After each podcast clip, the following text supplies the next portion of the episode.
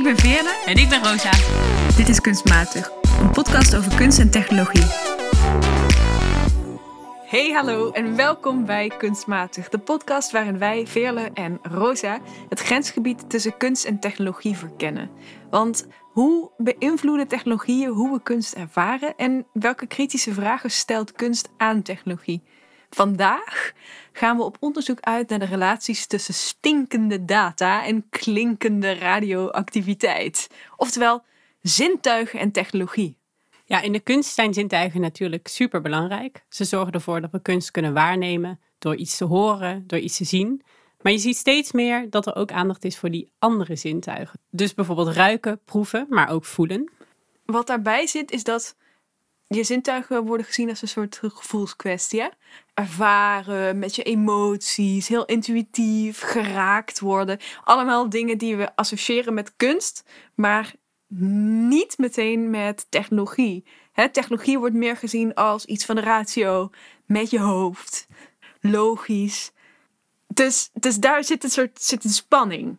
Het heeft te maken met, met soort, wat we waarderen in die verschillende domeinen.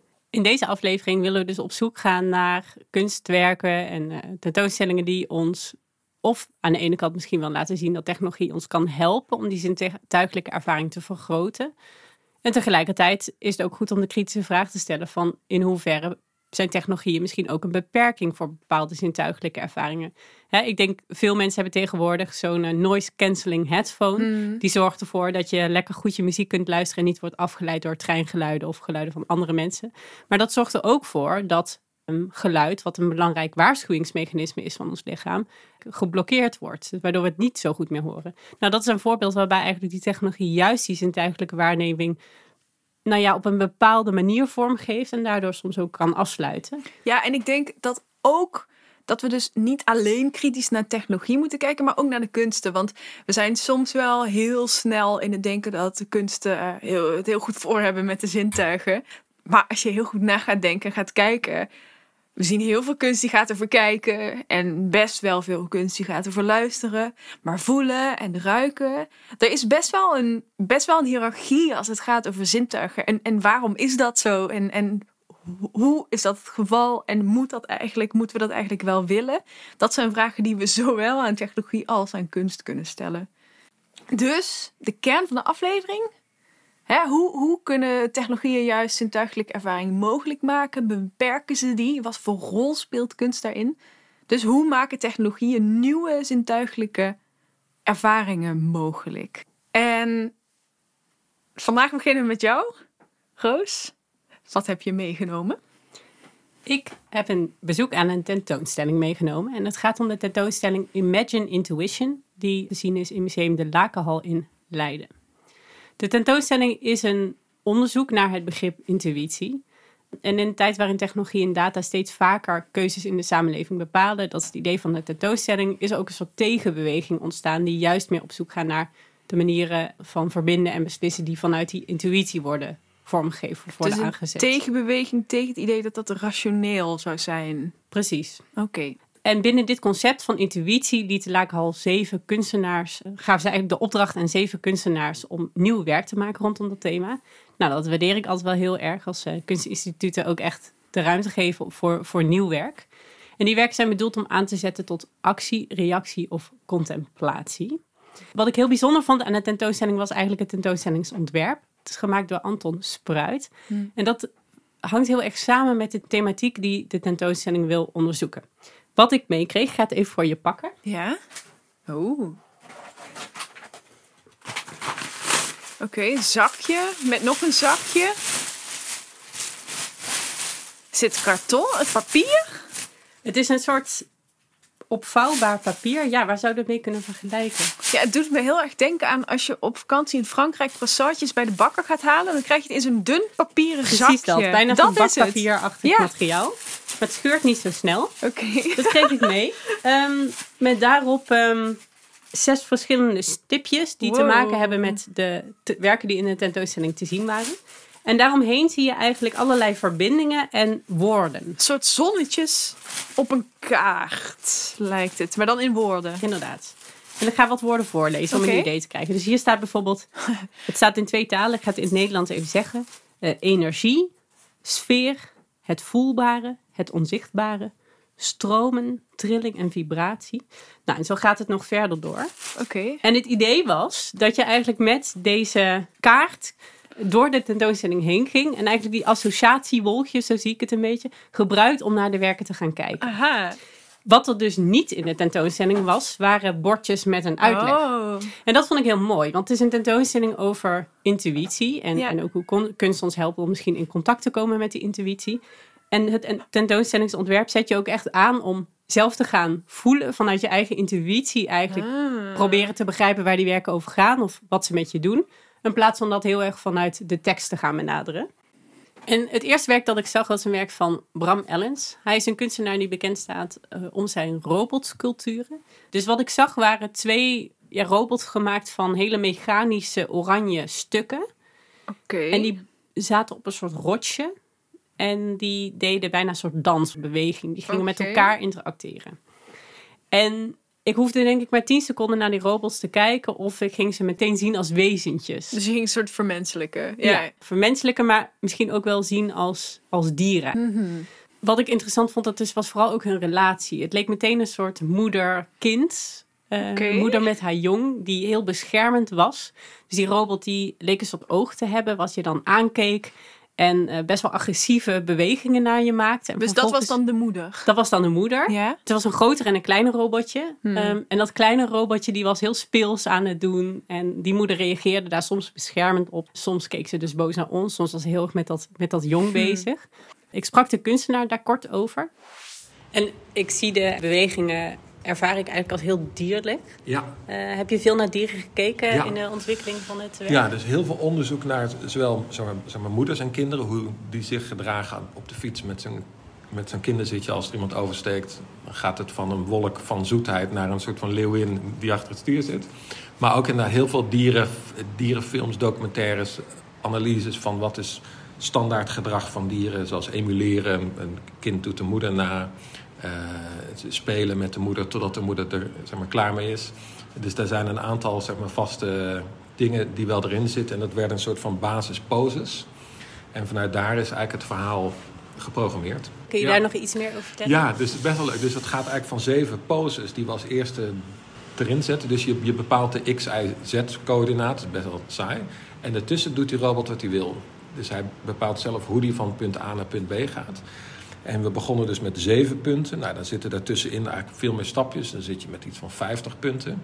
Maar dan word je, en dat is best wel gewoon een scenario wat je afloopt. Eh, letterlijk één op één, gaat van daar naar daar. Dat vertelt dit stukje van het verhaal. Maar op een gegeven moment gaat er iets mis en doet die robot iets wat, wat je niet had verwacht of slaat hij een stapje over. En dan kunnen er twee dingen gebeuren. Dat is, oh, stop, we moeten terug. Of denk, wow, dit is vet. En hup, dat verhaal gaat het raam uit. En er komen gewoon hele nieuwe stukken bij. Dus je ziet eigenlijk dat de helft is zoals we hadden bedacht. En de andere helft is ja, gewoon een dans die past binnen het verhaal, maar die ja, gewoon op gevoel heel goed werkt. Ja, dus wat ik heel mooi vond aan wat hij vertelt, is dat hij dus echt om zich heen is gaan kijken. Hij is filmpjes van dieren gaan opzoeken. Hij is ook menselijke moeders en kinderen gaan analyseren, als het ware. En daarmee schetst hij een soort oerbeeld van die menselijke intuïtieve relaties. En vervolgens vertaalt hij dat naar een, een technologische interactie, waarbij hij dus deels bepaalde standpunten vastzet. En vervolgens laat hij eigenlijk die robot zelf bewegen op een eigen manier. En zo ontstaat er een bepaalde interactie, die, die dus heel interessant is om naar te kijken. Ik had echt het gevoel van, ik moet niet in, te dicht in de buurt komen, want dan gaat die robot me aanvallen. Hmm. Ook dat element van het onverwachte. En dan zit een soort dreiging in, waardoor je, nou wederom dus intuïtief voelt, ik moet een beetje uit de buurt blijven. En het mooie was, het werk stond aan het begin van de tentoonstelling. Dus dat zorgde er ook voor dat je eigenlijk meteen heel erg in je lichaam komt. Je gaat reageren op wat je ziet. En vanuit die ervaring ga je de rest van de tentoonstelling in. En toen kwam ik een tweede eh, werk tegen waar ik ook graag nog kort wat over wil vertellen. Dat was een werk van Dikker en Oostrik. Uh, zij zijn een, een duo bestaande uit uh, neurowetenschapper Suzanne Dikker en kunstenaar Matthias Oostrik. En zij maakten een werk dat heet Harmonic Dissonance Phantom. Wat je zag waren vier schermen met daarop best wel spannende, ja, hele algoritmisch uitziende digitale AI-achtige beelden. ik weet even niet hoe ik het anders moet omschrijven met heel veel kleuren. En dan kon je voor gaan staan. Er stonden lampjes, dus je zag wel aan de omgeving van oké, volgens mij is de bedoeling dat ik op die stip ga staan. En daar kwamen we door instructies van de kunstenaar achter. Als je dat met, met meerdere mensen tegelijk doet en je maakt vergelijkbare bewegingen, dan hoor je muziek. Dus die schermen die reageren op de bewegingen die jij maakt. Die registreren dat. En vooral ook op hoe je samen een soort verbinding aangaat in die bewegingen. En het werk is eigenlijk een onderzoek naar hoe we menselijke verbinding sterker kunnen maken of kunnen aangaan. Ehm, en wat de rol van technologie daarin is. En aan de ene kant vond ik het heel mooi werk, omdat het uitnodigt tot interactie. Ook in context van die intuïtie weer en het zintuigelijke. Je moet echt gaan bewegen. Je moet zelfs gaan dansen in de, in de, in de tentoonstellingsplek. En dan ontstaat er muziek. Dus beweging wordt omgezet weer in, in iets hoorbaars. Aan de andere kant vraag ik me wel heel erg af: was ik dit ook gaan doen als de kunstenaars niet hadden gezegd dat ik het zou moeten doen? Of dat ik dat zou kunnen proberen? Zeker omdat er dus geen bordjes bij staan ik ben dus heel benieuwd, ja, gaan bezoekers zelf op dat idee komen? Maar daar zijn de kunstenaars zich ook heel bewust van. Ze vertelt dat het echt een experiment is om ook te zien hoe gedragen mensen zich in relatie tot dit soort technologieën. En hoe kunnen technologie ook juist aanzetten tot, om, om die verbinding aan te gaan of om bepaalde bewegingen te gaan maken. Om ook op zoek te gaan naar vergelijkbare ritmes samen. Want dat vraag ik me wel. Ik hoor je vertellen en ik ben wel aan het denken, omdat we het natuurlijk hebben over nieuw, zintuigelijke ervaringen en nieuwe zintuigelijke ervaringen. Hoe, hoe, hoe zit dat in deze tentoonstelling? Ik hoor wel dat je moet luisteren en kijken en dansen zelfs. Maar is het een soort bewustwordingsproces bij jou geweest? Of hoe, hoe, zie, hoe zie je dat? Hoe verschilt het voor jou van andere ervaringen die je hebt gehad in tentoonstellingen met misschien nieuwe mediakunst? Ik kan me voorstellen dat het anders is dan in het Rijksmuseum, hè? maar goed. Ja, ik denk dat het voor mij heel erg ook wel ging om ruimtelijkheid. De ruimte uh, is best wel donker, uh, waardoor je je ook niet zo super zichtbaar voelt. Er zijn verschillende hoekjes. Ja, de vormgeving nodigt echt uit om maar te gaan deelnemen. Helemaal op het einde was er ook een soort prieeltje waar je in kon gaan zitten met steentjes op de vloer die je kon voelen aan je hmm. voeten. En waar een kussentje in het midden zat. Ja, dat nodigt allemaal heel erg uit om het ook vooral te gaan doen en je door die ruimte te bewegen. Dus in die zin denk ik dat het vooral het tentoonstellingsontwerp heel erg uh, aanspoort om die interactie aan te gaan. En, en zeker door het gebrek van die, van die tentoonstellingstekstjes voelt het allemaal wat minder stijf. In het begin vertelde je ook dat een van de vragen die aan het begin stond van die tentoonstelling was over wat voor andere soort kennis levert intuïtie op. En je noemt net ook dat werk waar dan zowel een wetenschapper als een kunstenaar aan samenwerken. Maar wat, wat levert het op op dat gebied, de tentoonstelling? Ja, het is leuk dat je dat vraagt, want dat is denk ik precies voor mij waar het ook een beetje begon te schuren. De tentoonstelling was voor mij heel erg een ervaringstentoonstelling. Het is heel een uitnodiging om vanuit die lichamelijkheid naar kunst te gaan kijken. En misschien ook juist niet te veel conceptueel bezig te zijn. Maar qua kennis, wat ik echt heel erg meeneem, dat bleef voor mij toch vrijwel aan de oppervlakte. Ik denk dat het vooral te maken heeft met de vraag in hoeverre is intuïtie ook een bron van kennis? Ik heb zelf best wel een moeilijke relatie met het begrip intuïtie eigenlijk. Ja. En niet omdat ik het niet belangrijk vind, maar omdat het heel vaak als een soort uh, black box, als een begrip uit, uit de wetenschap. Als iets een black box is, dan, dan, dan werkt het. En dan weten we allemaal dat het wel werkt. Dus dan hoeven we het daar niet over te hebben. En hoeven we niet goed kijken hoe het werkt, want het werkt toch wel. Dat is heel erg kort door de bocht, maar dat is ongeveer wat een black box is. Dus blijf er maar vanaf, het functioneert. Ja. En als je kunstenaars interviewt of onderzoek doet naar kunstenaars, zoals ik doe, zoals jij ook doet, dan kom je heel vaak op het punt dat je dan vraagt, nou ja, maar hoe doe je dat dan? En dan de kunstenaar antwoordt, ja, maar dat is intuïtie. Met andere woorden, daar gaan we het niet over hebben. Ja. Dat is een soort van de magie van mijn praktijk. En dat is enerzijds omdat het misschien moeilijk is om in woorden uit te drukken. Anderzijds is het ook een soort coping mechanism. Van ja, maar dat is, dat is ook belangrijk. En daar hoeven we nu niet, dat hoeven we niet in woorden te vatten, want dat kan niet. En wat ik interessant vind aan wat jij vertelt, is dat het hier eens een keer gaat om de intuïtie van de bezoeker. Zo klinkt het. Misschien niet zozeer over de intuïtie van de maker. Maar over, oké, maar als je een, kunst, een, een tentoonstelling, een kunsttentoonstelling bezoekt, dan ben je misschien ook op allerlei intuïties aan het varen. En daar word je meer bewust van gemaakt. Maar ik snap wel dat je denkt van, oh, wat is dan precies soort van de kennis die ik hier opdoe? Is het heel erg meta? Is het wat, huh?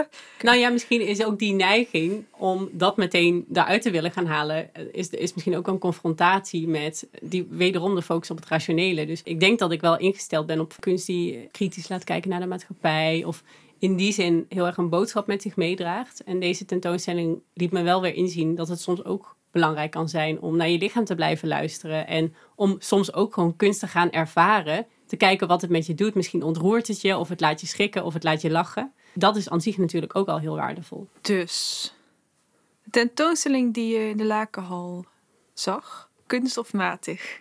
Ik vond het kunst. Zoals ik al zei, waardeerde ik het echt dat het me even ook weer uit mijn soms mijn onderzoeksblik haalde zoals ik die gewend ben. En me Hmm. even aanspoorde om echt te gaan voelen. Het was het enige wat ik wel nog miste, was toch ook iets van een kritische dimensie. Ik denk dat de werken die te zien waren voor mij allemaal heel erg op de positieve kanten van intuïtie ingingen. Eh, en ook de rol van technologie daarin. Hè? Dus hoe technologie die zintuigelijkheid of die intuïtie kan versterken of kan overbrengen en kan representeren. En ik had het toch ook wel interessant gevonden als er nog een werk was geweest wat ons iets zou vertellen over hoe soms technologie juist die intuïtie ook heel erg in de weg kan staan. Ik had op het begin al over die noise cancelling headphone bijvoorbeeld, maar ik moest ook denken, ik hoorde laatst van iemand die vertelde dat hij iemand kende die op haar werk een smartwatch heeft, die dan meet hoeveel stress ze heeft. En dat vindt ze dan fijn, want dat kan haar helpen om een burn-out tegen te gaan. En dan denk ik, ik vind het heel, een heel rare kapitalistische oplossing. Maar je hebt toch ook eh, zorgverzekeringen die smartwatches uitdelen als je dan eh 10.000 stappen per dag Precies. zet?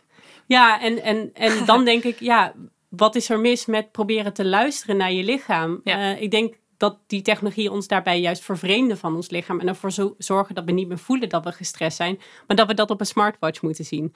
Desondanks absoluut de moeite waard. Veerle, ik ben heel benieuwd. Wat heb jij deze keer meegenomen? Ik heb een ehm, installatiekunstwerk meegenomen dat ik deze zomer zag toen ik in München was. Dat is een werk van Karsten Nicolai en het heet Transmitter Receiver, dus verzender ontvanger. En dan als een soort subtitel The Machine and the Gardener, dus de machine en de tuinier. En dat zag ik in Haus der Kunst in München, wat een heel interessant museum is, wat het voormalige soort ja, eh, in de Tweede Wereldoorlog had je die Entartete Kunst tentoonstellingen. Nou, dat was daar. En dat dat museum dus nog altijd bestaat. En nu dus een hedendaagse kunstmuseum is. Juist een hedendaagse kunstmuseum is. Dat ook kunstenaars vraagt om werken te maken voor daar. Sp- Specifieke, nieuwe werken.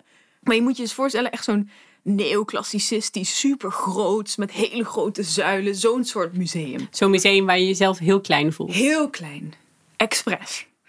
Maar in ieder geval, een van de werken die daar dus waren, ik vond een heel bijzondere plek, omdat het dus allemaal eigenlijk tentoonstellingen waren die dan uit één installatie bestonden.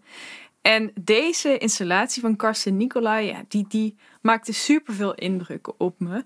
Karsten Nicolai is belangrijk om te weten, is een geluidskunstenaar, maar werkte voordat hij kunstenaar werd als tuinman. Hij eh, is afgestudeerd eh, in landscaping, dus echt in het bouwen van landschappen. En dat is heel relevant in de context van dit werk. Want hij maakt dus heel veel geluidskunst. En hij, wil, hij werkt heel vaak om, om onzichtbare fenomenen zichtbaar of hoorbaar of invoelbaar te maken. En dat was ook aan de hand in dit werk. Want het werk was dus een soort hele grote eh, kamer waar je naar keek, als het ware. Daar, je zat daarvoor, mocht je op bankjes komen zitten. En je kwam binnen en wat je hoorde was een soort getik. En je zag een, een lamp af en toe flikkeren op soort willekeurige momenten. Klinkt een beetje spooky. Terwijl je daar was, wat dat getik, dat wat je hoort, dat was een lamp en die aan eh, ging. En alsof je de elektriciteit hoorde knetteren. Ja, ja, ja. Elke ja. keer. Dus je zag zo die draadjes met elkaar contact maken, als het ware, in, zo, in die lampjes. En het soundscape dat je hoorde, dat, dat was eigenlijk constant. En dat veranderde dan af en toe. Eh, en wat je zag, was nou, ik kan het het beste omschrijven als een soort Japanse zentuin. Mhm.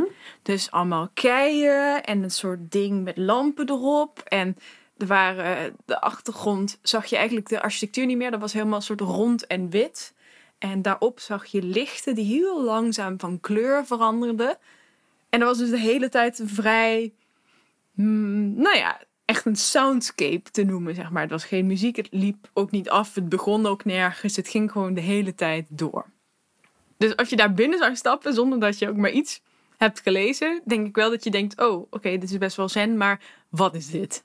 Maar in die zentuin luister je naar geluiden en deeltjes uit het universum die je niet kunt horen en niet kunt zien, normaal gesproken. En daar kon je je in, in onderdompelen.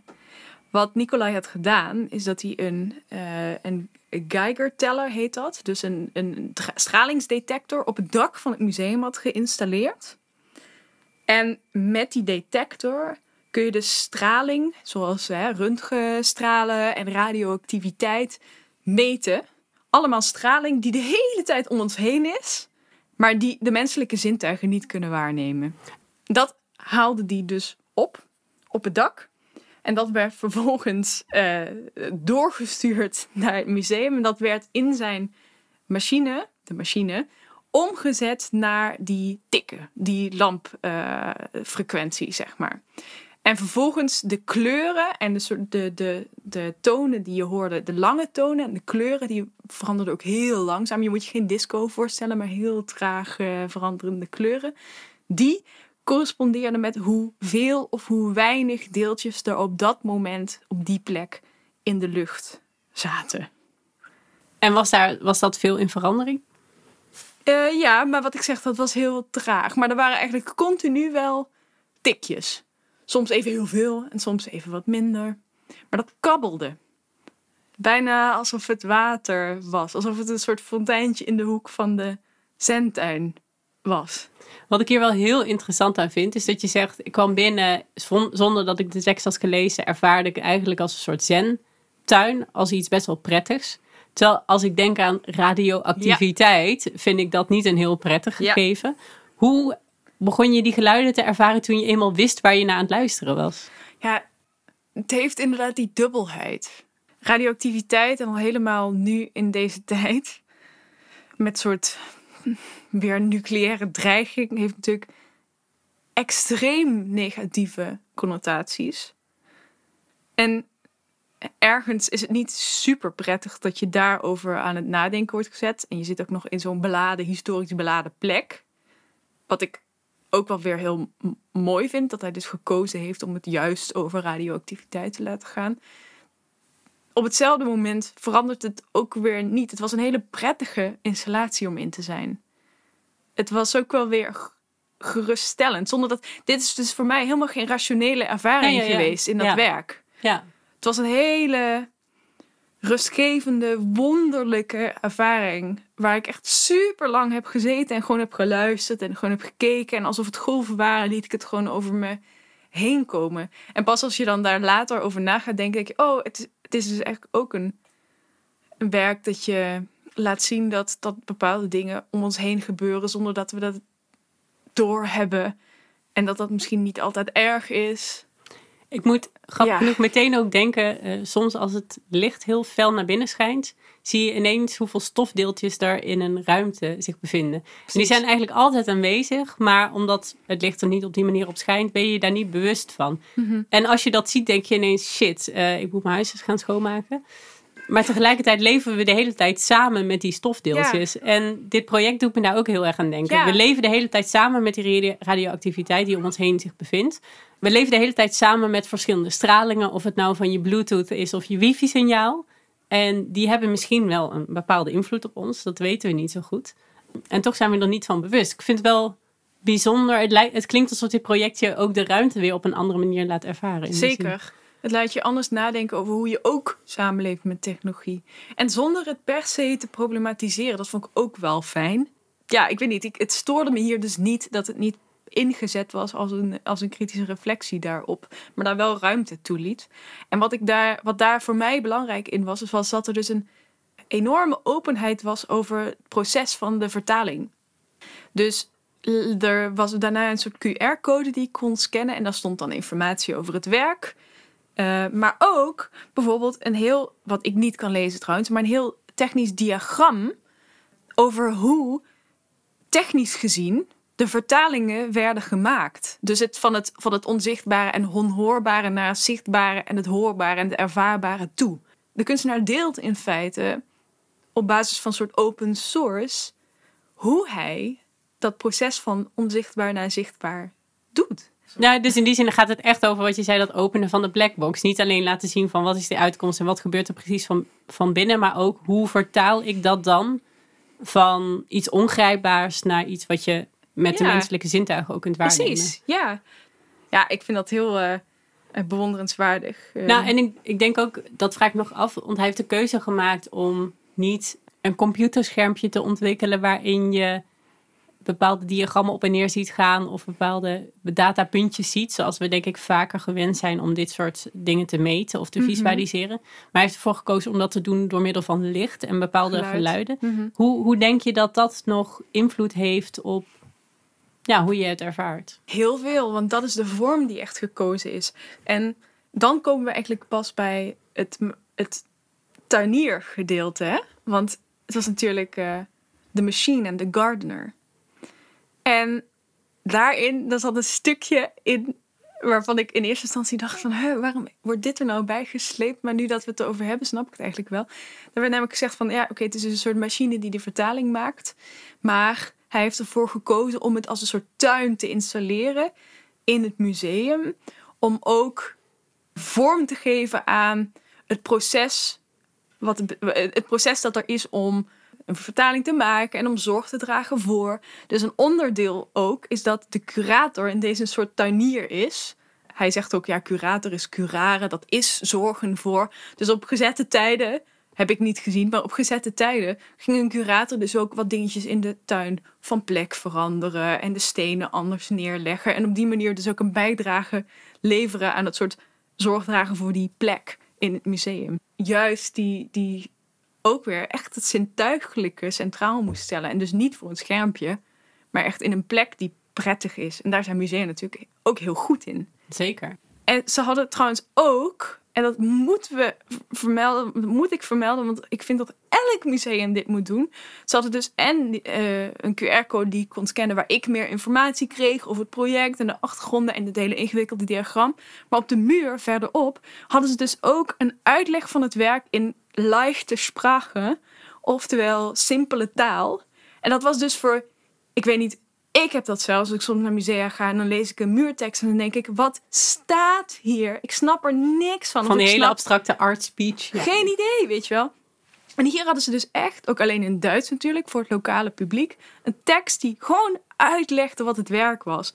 En dan moet je echt denken aan, weet je wel, van eh, dit is een machine en die meet radioactieve deeltjes. Het woord radioactiviteit, dat, dat komt van het woord eh, eh, radon. Radon is een gas, weet je wel, echt zo uitgelegd, stap voor stap. Die deeltjes kunnen wij niet zien. Deze kunstenaar heeft een machine gebouwd die die deeltjes zichtbaar maakt. Dat gaat zo, dubbele punt. Echt, ik vond dat, ik heb ze allemaal gelezen in het museum, zo goed. Dit zou toch, dit zou toch overal moeten? Absoluut, ja. En ik vind het ook interessant dat we eigenlijk allebei een tentoonstelling hebben gezien die speelt met die normatieve conventies van hoe je een tentoonstelling maakt. Het gaat allebei over ruimtelijkheid en ook over hoe kunnen we nou die tekst anders doen. In mijn geval was het met een associatiewolk en kon je later nog meer informatie over de werken teruglezen. En hier gaat het heel erg over het super begrijpelijk maken, want Ook, want die, ook. die tekst was er Ja. ook, hè? Zo Ja. van de iets ingewikkeldere Ja. tekst. Want wat je zegt, het is een, het is een heel complex eh, werk. Waarbij het in dit geval wel cruciaal is dat je die tekst kunt lezen. Want als dat er niet was geweest, dan had je niet geweten waar je nou eigenlijk naar aan het Nee, en luisteren dan was. weet je niet wat het is. En dan weet je niks over die radioactiviteit. En dat is zonde. Dus het is heel belangrijk dat je die tekst wel tot je kunt nemen. Maar nou ja, ik ben er absoluut voor om, om zoiets ook eh, in, eh, in andere musea te gaan doen. Veerle, eh, transmitter-receiver, is dat kunst of vind je het matig? kunst. Ja, het mogen duidelijk zijn. Ik ben eh begeisterd door de tentoonstelling van Karsten Nicolai. eh, door de installatie van Nicolai. Het is zo'n bijzonder werk. Dat ik dus al sinds de zomer een soort van in mijn achterzak heb van ik wil dit bespreken met Rosa. En nu was het eindelijk zover. En het is ook de perfecte in de context van deze aflevering, denk ik. Omdat hier gaat het over, oh, technologieën kunnen ook ons dus helpen om zintuigelijke ervaringen te hebben van dingen die we normaal helemaal niet kunnen ervaren met onze zintuigen. Uh, en daarmee is het heel anders dan die smartwatch waar jij het net over had. Dus het is niet een soort toepassing waardoor jij niet meer hoeft te voelen met je lichaam en met je zintuigen, maar juist het tegenovergestelde. Waarmee je in staat wordt gesteld om iets te voelen dat je normaal, waar je normaal geen toegang tot hebt. Ja, dat vind ik super interessant. Weg met de blackboxes.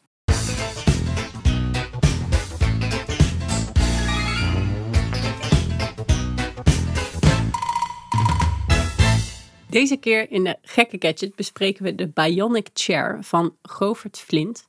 Een project dat hij maakte in samenwerking met Capino Ballet en Sami Sabik. En de Bionic Chair zegt al een beetje wat Flint heeft ontworpen, namelijk een stoel. Maar niet zomaar een stoel.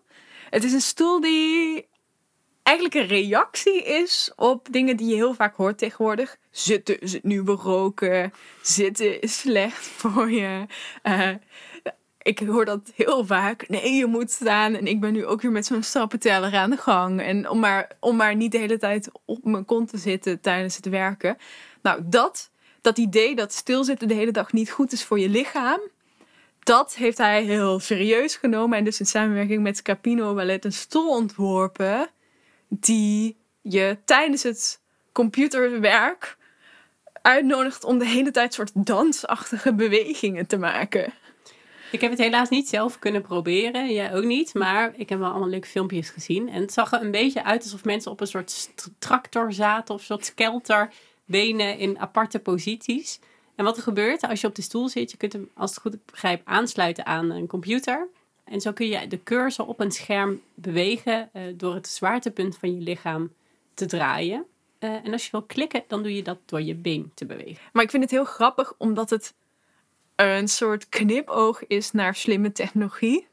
Want het idee is natuurlijk, oh, als we maar genoeg slimme technologie hebben, dan wordt ons hele lichaam overbodig. Hoeven we daar in ieder geval niet meer over na te denken. En daardoor gaan we maar zitten en maar computeren en alleen maar met onze ogen bezig zijn. En dit werk is, is een soort van slimme technologie zelf, die het tegenovergestelde doet. En dus ook in, in de standaard manier van denken super inefficiënt is echt super inefficiënt. Ik kan me niet voorstellen dat je sneller werkt als je de hele tijd met je benen aan het wiebelen bent, zeg maar. Dus het gaat ook heel erg in tegen dat hele, ja, best wel neoliberale idee van, oh, hou je stappen maar bij voor je zorgverzekeraar, want dan krijg je korting. En inderdaad, meet je stress maar met je Apple Watch, want dan kun je tenminste lekker door blijven werken zonder burn-out. Dit is het tegenovergestelde. Dus dat doe maar een beetje inefficiënt half dansend je werk. En dan blijf je tenminste lichamelijk gezond. En ik moet zeggen, in een tijd, ik, ik ben op dit moment mijn proefschrift aan het schrijven en ik zit de hele dag te, te, zitten te schrijven achter mijn laptop. En soms voel ik dat mijn lichaam wil bewegen. Ja, het, soms voelt het echt alsof ik mezelf moet dwingen om stil te zitten op die stoel, terwijl mijn lichaam gewoon alle kanten op wil. Dus dan lijkt het me wel heerlijk om even een tijdje zo'n bionic chair te hebben. Tevens zitten we ook nu in een vrij geïmproviseerde podcaststudio opnamesituatie. Waarin de Bionic Chair denk ik ook, ehm, nou ja, handig was geweest. Op een sokkeltje. In Op een sokkeltje zetten we altijd een project dat wij zeer de moeite waard vinden en over het voetlicht willen brengen op een sokkeltje.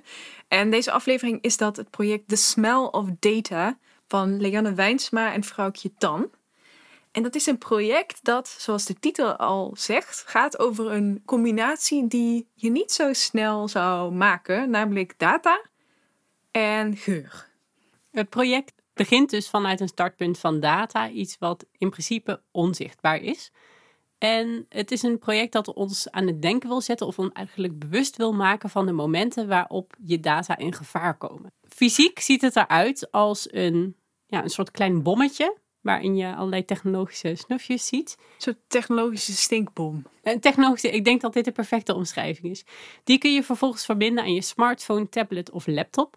En op het moment dat je eh, onveilige wifi bezoekt, een, je verbindt met een onveilige hotspot of een uh, onveilige website opgaat, komt er een geur vrij die jou bewust maakt van het feit dat je data aan het lekken bent. Vroeger, je neus speelde een belangrijke rol op het moment dat er gevaar was. Dan kon je ruiken aankomen. Of je kon ruiken dat er vuur was, bijvoorbeeld.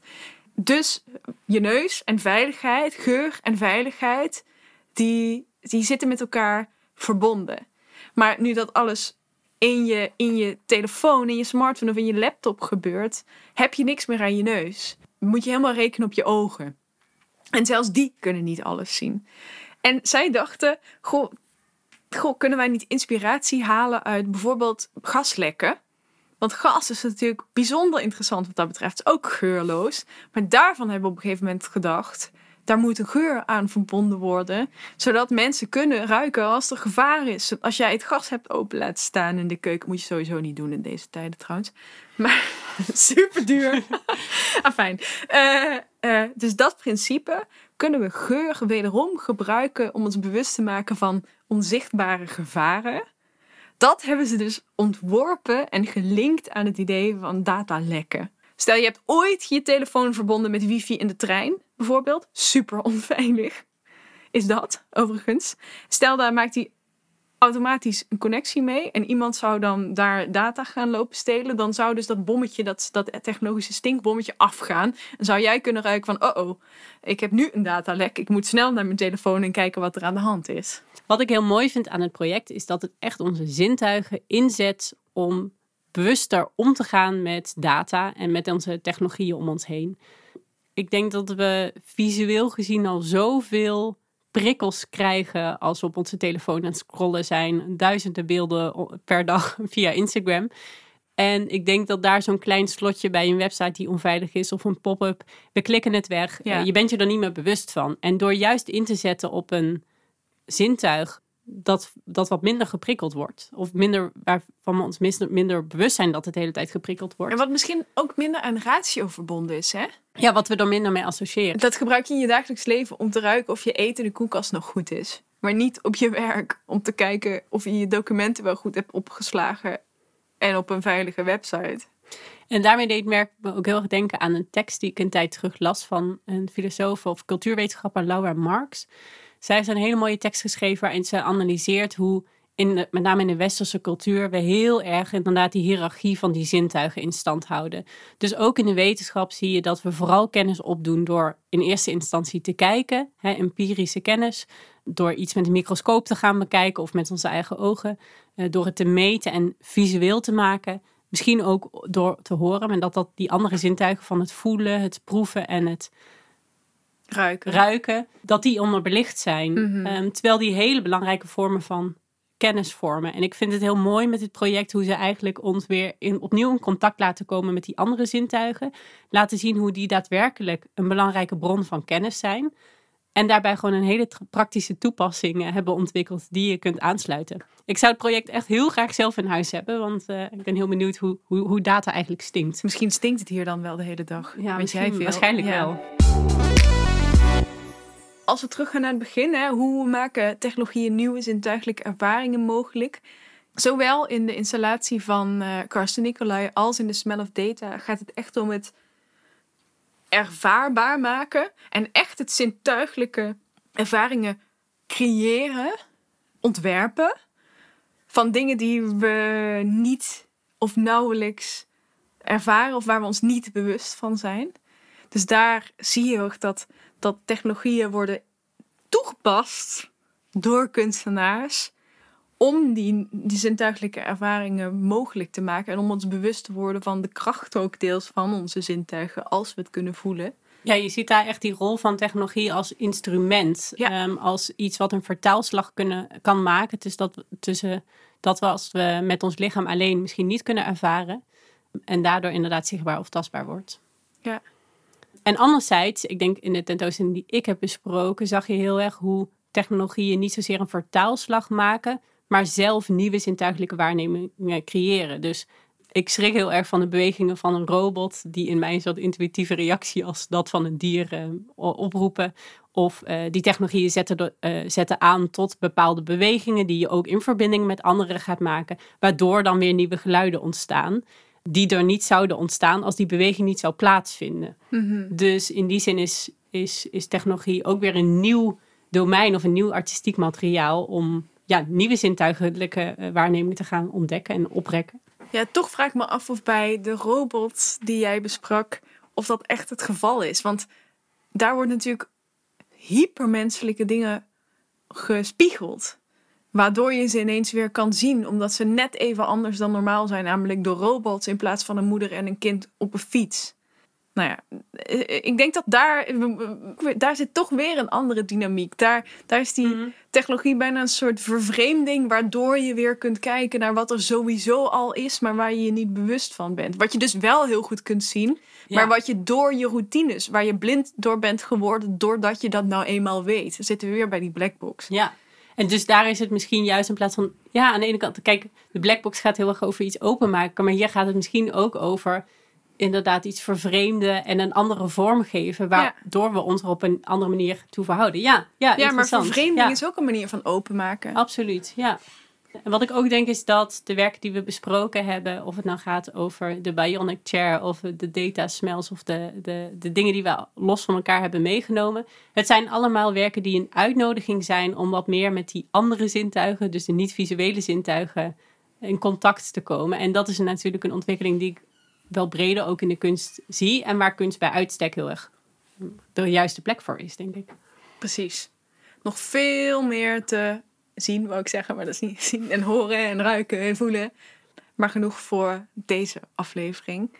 Zoals altijd, als je nou nieuwsgierig bent naar de werken, ga even naar onze Instagram, kunstmatig de podcast. Of kijk in de show notes, de beschrijving van de aflevering, want daar staan linkjes, zodat je ook kunt zien waar we het over hebben gehad. Kijk hoe, hoe een soort van de zichtgericht wij te werk gaan weer. Oh, ik ben me nou heel bewust hiervan. Maar we zijn wel audio-media. Dat is waar, we zijn wel audio. Maar in ieder geval, eh, doe dat. Eh, volg ons daar ook. Als je ideeën hebt, stuur ons een mailtje. info En je helpt ons heel erg door even op de volgknop te drukken in je favoriete podcast-app. Want dat helpt ons weer om wat meer zichtbaar te worden voor andere luisteraars.